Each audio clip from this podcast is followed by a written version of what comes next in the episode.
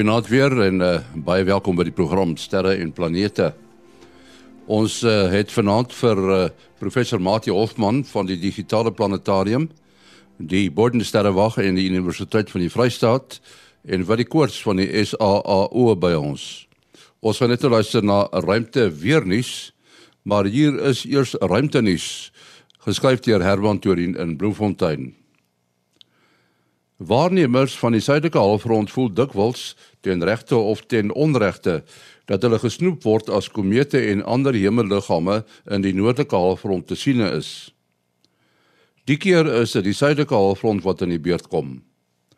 Die Australiese komeetjagter Robert McNaught het Nova Reticuli 2020 op 15 Julie waargeneem. Dit word as 'n klassieke nova beskryf. In so 'n geval bestaan dit uit 'n wit dwerg en 'n klassieke ster wat as dubbelster om mekaar wentel. Die dwerg gaps dan veral waterstof by sy maat tot genoeg waterstof aangetrek is om 'n fusieproses te aktiveer. Swaar metale word dan gevorm. Met 'n klassieke nova vind dit alles op die oppervlak plaas en kan die proses herhaal word. Wanneer die nova vanuit die wit dwerg se binnekant kom, sal die ster ontplof en was dit 'n een eenmalige proses. Die teorie dat die aarde sy water van 'n bombardement van komete en asteroïde gekry het wat die aarde oor miljoene jare getref het, hou nie juist steek nie of dan nie water nie. Toetse op water wat op komete soos Rosetta ontleed is en op ander hemelliggame gevind en getoets is, toon dat die isotope baie van die van water op die aarde verskil. Nog 'n teorie is dat die water in wese saam met die aarde ontstaan het. Soos die aarde afgekoel het, het die water ook ontstaan. Dit word geraam dat drywende kontinente destyds met die vroeë siklusse die oseane as ware droogvoets oorgesteek het. Die nuwe teorie behels dat baie water in organiese materiaal in die ruimte voorkom en dat dit vrygestel kan word as dit tot 'n sekere temperatuur verhit word. Intussen word nog monsters vanuit die ruimte versamel om agter die kap van die geologiese bultjie te kom. Verskeie monsters afkomstig van hemelliggame is onderweg na die navorsers, onder andere van die asteroïde Ryugu aan boord van 'n Japannese tuig Hayabusa 2 wat monsters op die asteroïde gaan versamel het. Dit was aan Ruimte nuus elke week geskryf deur Herman Torin in Bloemfontein. Hier is Kobus Olkers met Ruimte weer. Goeienaand en goeienaand luisteraars. Ja, 'n nuwe week met nuwe dinge. Ons kry hierdie week weer 'n klein nuwe sonvlekkie. Natuurlik relatief tot die aarde is hy massief groot. Hy's 'n hele paar tientalle van aarddeursnitte, maar vir die son, men kan mense soms skaars raak sien daar op die oppervlakte. Dit is 'n nuwe siklus ene sy magnetiese veld uh, is suidwaarts wat voorloop. Met ander woorde is nou die magneetlyne wat in die son ingaan. En hy gaan eers oor omtrent 9 dae geo-effektief wees. As hy groei kan ons volgende week daaroor gesels maar ek dink hy gaan maar dit lyk asof hy oomlik asof hy redelik klein gaan bly. Hy sit op die oomblik so 'n bietjie die korona aan verwarm maar uh van die son en verwarm maar nou ja dit is uh dit is wat sonvlekkies doen. Ehm um, wat corona gate aanbetref, het ons 'n paar wat so soos dit die trokke van 'n trein hier aankom. Die eerste een is reeds geo-effektief. Hy het so teen donderdag begin geo-effektief raak. Hy was negatief gerig. En ek skat in hierdie tyd enige oomblik nou gaan die gaan die veld weer positief draai. Uh so ons het geen geen verdere probleme nie. Ons radioamateurs sal wel daarvan geweet het dat hulle frekwensies 'n bietjie gaan spring. Ehm um, dan het ons ehm um, filamente, mooi simmetriese paar so bokant en onderkant die son se ewenaar. Hulle is ook nou presies geo-effektief, maar een van hulle lyk vir my onstabiel genoeg om om 'n hydervakkel of of om los te laat nie. Ehm um, en dit is omtrent ons storie vir hierdie week. Kort en kragtig. Goeienaand almal. Dankie Kobus Olkers daar in Florida, Amerika. Nou vir ons het die afgelope tydjie nogal baie gepraat oor die komeet wat almal oorgaande is die New WISE wat eintlik 'n noordelike halfrond voorwerp is Maar ek het nie geweet dat mense hom eintlik ook in die suidelike halfrond sou kon sien nie. Is dit so? Ja, dis reg. Hy het nou 'n vreeslike lekker vertoning gegee daar in die noorde en ons het laas keer ons gesê ons weet nie hoe lank dit gaan hou, hoe lank die uh, die komeet gaan helder bly nie, maar so op op die stadium lyk dit nogal heel goed.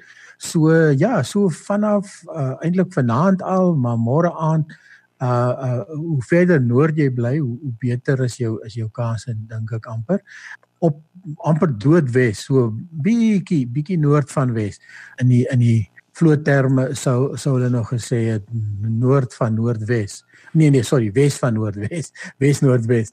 Duif teen die horison, ehm um, gaan uh, New Wise nou staar gaan sy kop begin uitsteek. Ek is nie seker watter kant toe die ster wys nie. Ehm um, of is die, of hy ster eerste of kop eerste gaan uitkom nie. Maar ehm um, dit is definitief 'n mens moet net seker maak jy het 'n lekker uh, 'n skoon westelike horison. As jy veral as jy 'n bietjie hoogte het waar jy waar jy kan sien maar kyk die die die die gloed van die ondergaande son is nou nog daarso. Ja, so die ster moet uh moet hoor wys. Uh, opwys. Natuurlik, natuurlik ja, want hy wys weg ja, van die son af. Ja, ja, ja, ja, ja. daar's die antwoord sommer ja. Ja, dit uh, ja. wil jy dis nou so 'n bietjie van uh, twee oorwegings. Uh elke dag word die komeet in beginsel dowwer omdat hy verder van die son af weg beweeg. Dit werk nou uh teen ons vir elke volgende dag. Uh, maar uh, dit is bietjie hoër in die lug wat dit nou weer uh bietjie makliker maak want hy gaan bietjie langer sigbaar wees nadat dit uh, donker geword het. Dus ek nou so op hierdie rowwe vinderkaart voor my kyk, uh gaan hy uh hier in die begin van hierdie week so amper reg oor die konstellasie van Leo wees. Uh wat nou vroeg aan die wes-noordweste uh ondergaan met die helderster Regulus. So as mens dalk met jou verkyker so net na sonsondergang vir Regulus kan kry, dan weet jy jy moet hoor op en 'n bietjie regs gaan. Uh dan moet mens die komete kan sien. Ehm uh, nou ek dink ons moet uh, mense so bietjie sien wat mens het hierdie ongelooflike fotos gesien uh wat uit die noordelike halfrond op die uh sosiale media gewemel het.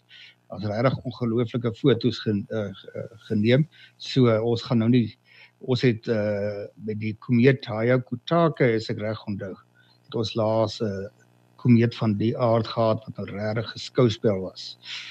Ja, ons het 'n uh, paar briewe gekry wat ons oor wil praat. Jy het uh, gekyk daarna Willie, uh, daar's 'n vraag van Buxventer. Die kraters aan die wegkant van die maan.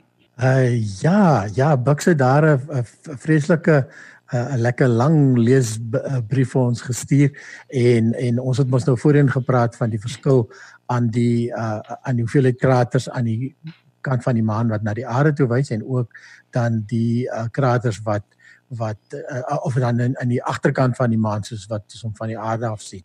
En en hy hy het hier 'n uh, um, 'n hele paar interessante hipoteses gestel.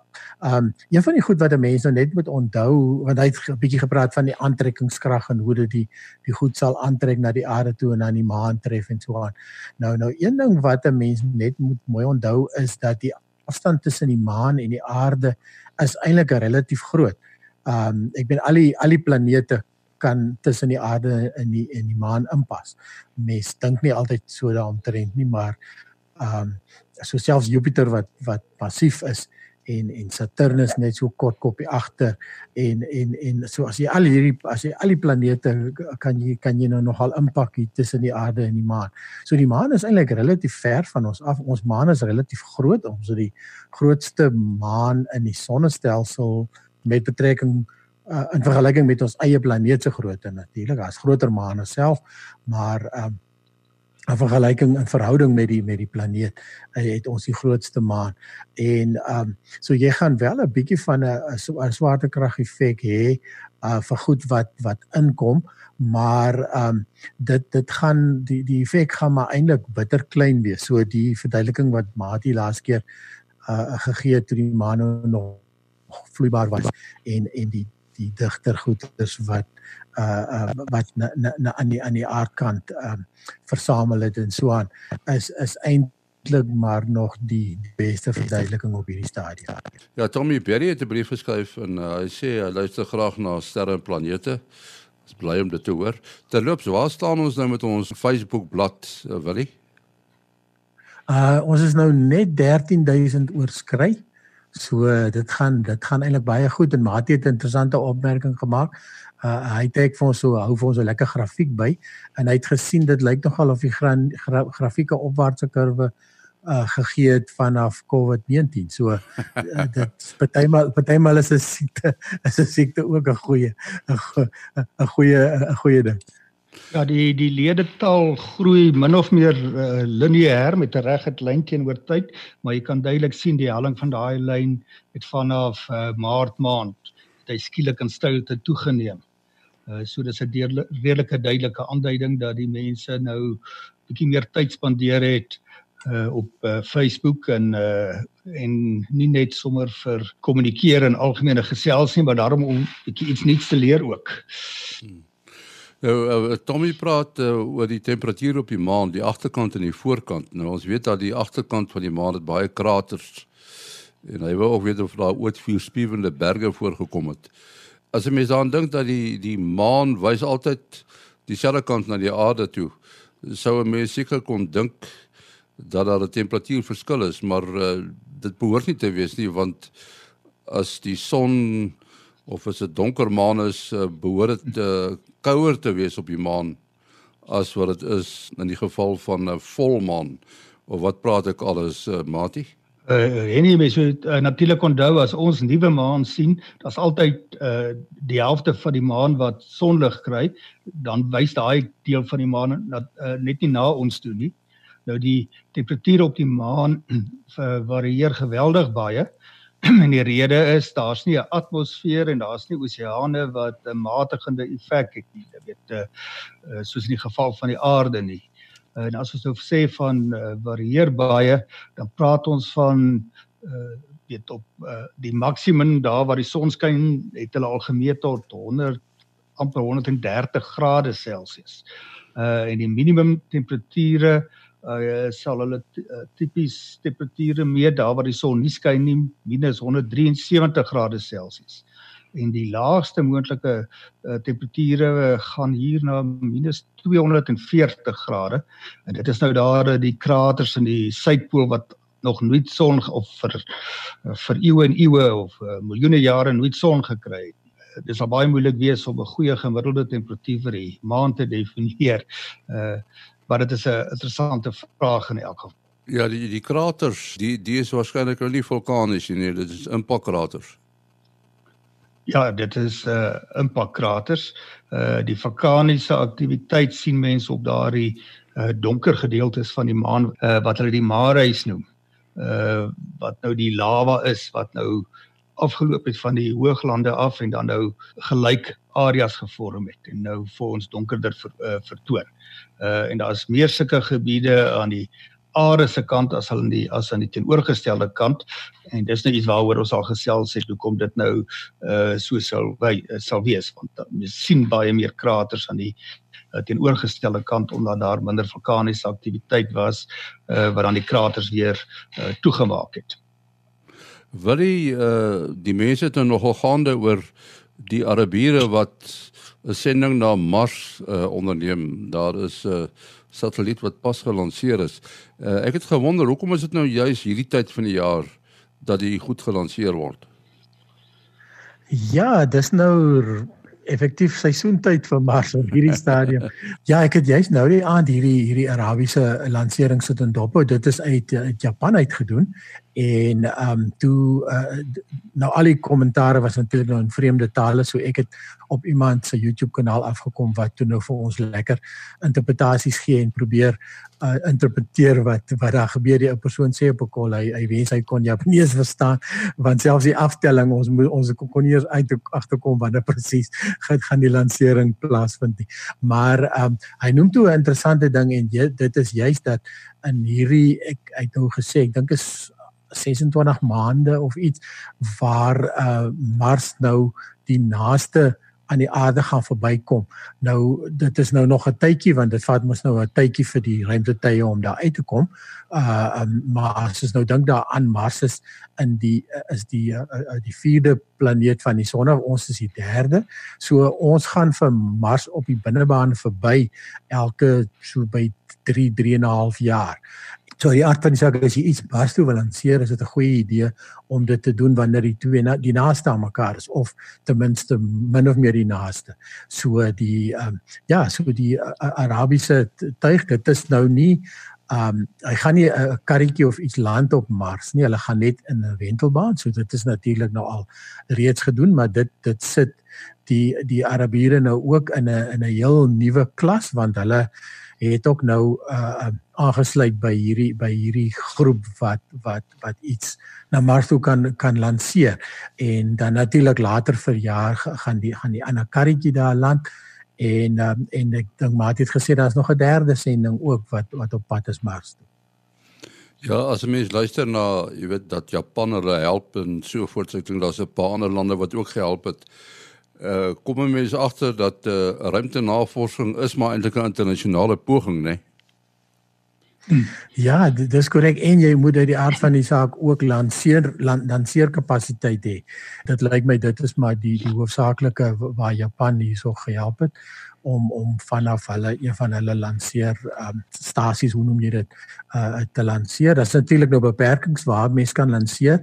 Ehm um, jy lanseer mos nou maar altyd na die ooste toe omdat die aarde draai mos nou so om. So jy kry bietjie bietjie spoed by deur die aarde se draaiing en verder ehm um, lanseer jy mos nou maar altyd oor die see om om dit veilig te hou. As hy iets verkeerd gaan, dit is eintlik 'n baie beheerde ontploffing hier en en ons het al voorheen gesien hoe lyk dit as dit verkeerd gaan dit kan jy gaan dit definitief nie oor oor 'n landmassa veral nie oor 'n bewoonde area gaan jy dit doen nie. So daar is daar's altyd maar beperking vir 'n vir 'n veilige lanseerterrein. Ja, en uh, die uh, Verenigde Arabiese Emirate het uh, ook by 'n hele paar Amerikaanse universiteite wat ondervinding het in die Mars-sendings uh, gaan kers opsteek en dit is verseker 'n goeie idee. Uh, tot onlangs het meer as die helfte van die sendings na Mars misluk. So as mens kan leer uit die van die ouens wat op die dier manier moes uh moes geleer het, uh dan maak dit natuurlik uh baie sin en het 'n gedagte dat hierdie sendings kos baie geld. So in die geval van die uh, die een wat nou pas gelanseer is, is uh, praat hulle van 'n begroting van ongeveer 200 miljoen dollar wat nie so duur is, is wel geweldige bedrag geld, maar dit is nie so duur vir 'n diep ruimte sending na 'n ander planeet uh, uh, planeet toe nie. Uh, ek dink daar kan baie interessante wetenskaplike resultate van daar afkom omdat hulle nou met die nuutste tegnologie spesifiek na die weerstelsels in Mars gaan kyk. Die sending van die Amerikaners in Europa, die uh, Perseverance is uh, sending is geskeduleer om uh Februarie 2021. So is natuurlik nou oor die tipiese uh, tydperk van is dit nou 7 9 maande uh, tussen 7 en 9 maande as moet vinnig uitwerk. Maar dit is 'n 2,7 miljard dollar uh sending, maar in hierdie geval wil hulle land uh en dit maak dit natuurlik baie uh, baie duurder so lank dra jy 'n landingstuig het.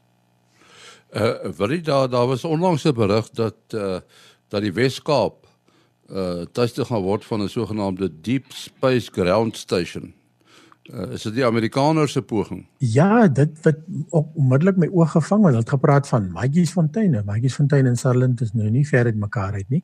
En toevallig ken ek uh, een van die persone wat um by Hadrio gewerk het. Uh, dit was natuurlik nou een van Louis Barents se se so, uh, was eintlik sy baas gewees destyds en ehm um, en en toe het ek met hom in kontak gekom om te hoor hoe werk die storie want ek weet hulle het uh, grond uh, naby Maatjiesfontein gekry destyds en ehm um, hulle het wel seker instrumentasie daar op sit en so aan. En en toe het ek nou bietjie meer probeer, probeer agter die kap van die bil kom, maar dit klink my dit is nog in 'n baie beplanningsstadium op op hierdie stadium so hulle uh want ek die eerste vraag is ehm um, hoekom Maatjiesfontein is dit dan so radio stil daarso om om die tipe van goeders te doen. Ehm um, en natuurlik jy het nou die voetheuwels van die Swartberg wat jou bietjie kan afskerm. En ehm um, jy wil ook nie te ver weg beweeg nie.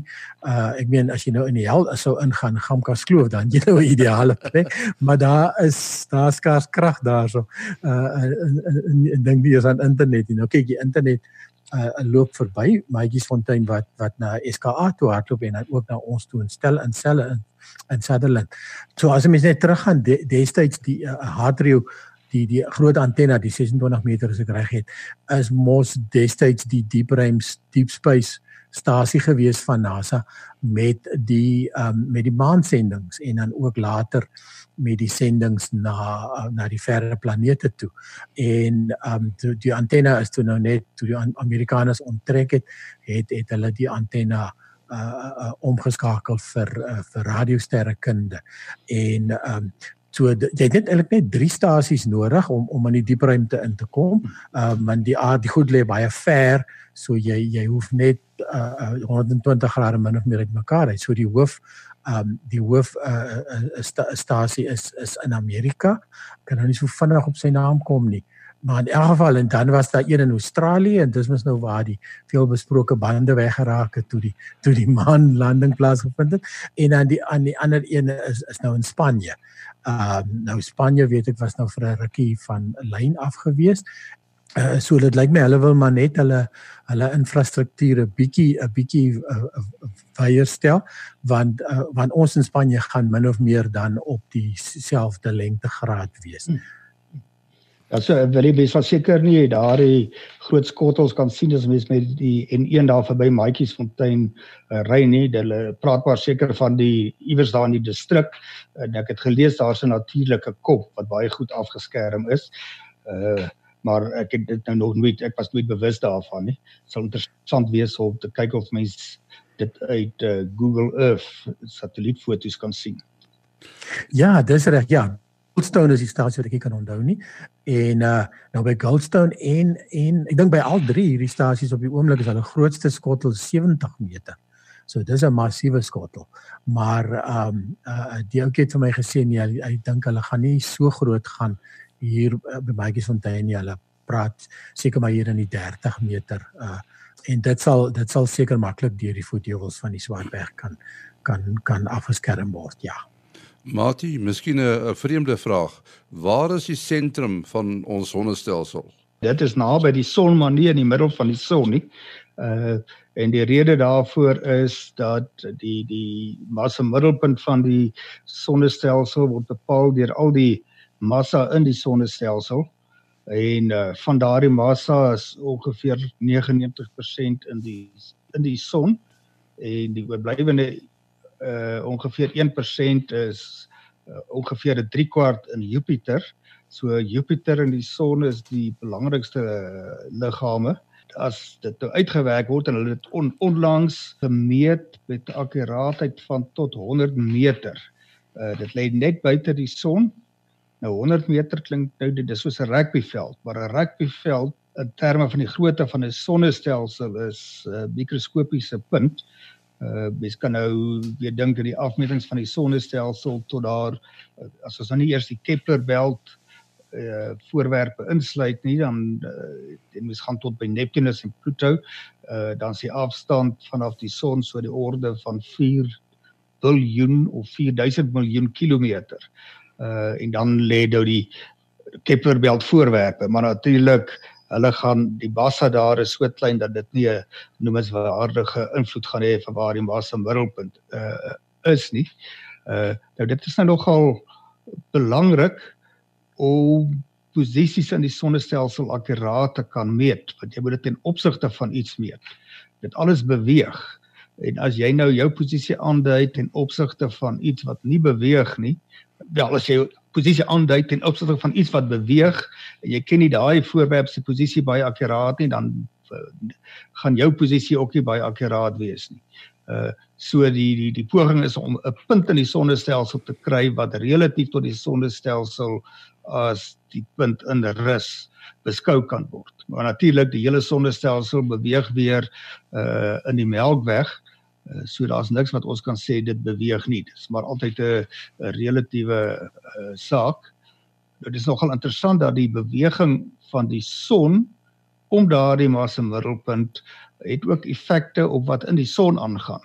Uh dit toon 'n klein effek op die langtermyn kromme van sonaktiwiteit. Uh maar die fisika daarvan is nogal ingewikkeld.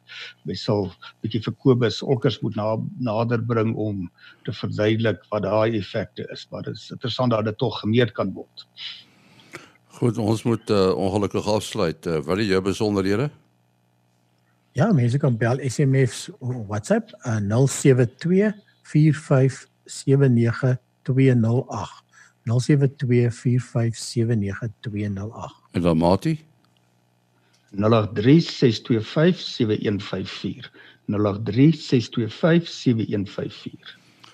En dan uh, ons program se adres is sterreplanete@gmail.com. sterreplanete@gmail.com. Ons is volgende week terug. Alles van die beste.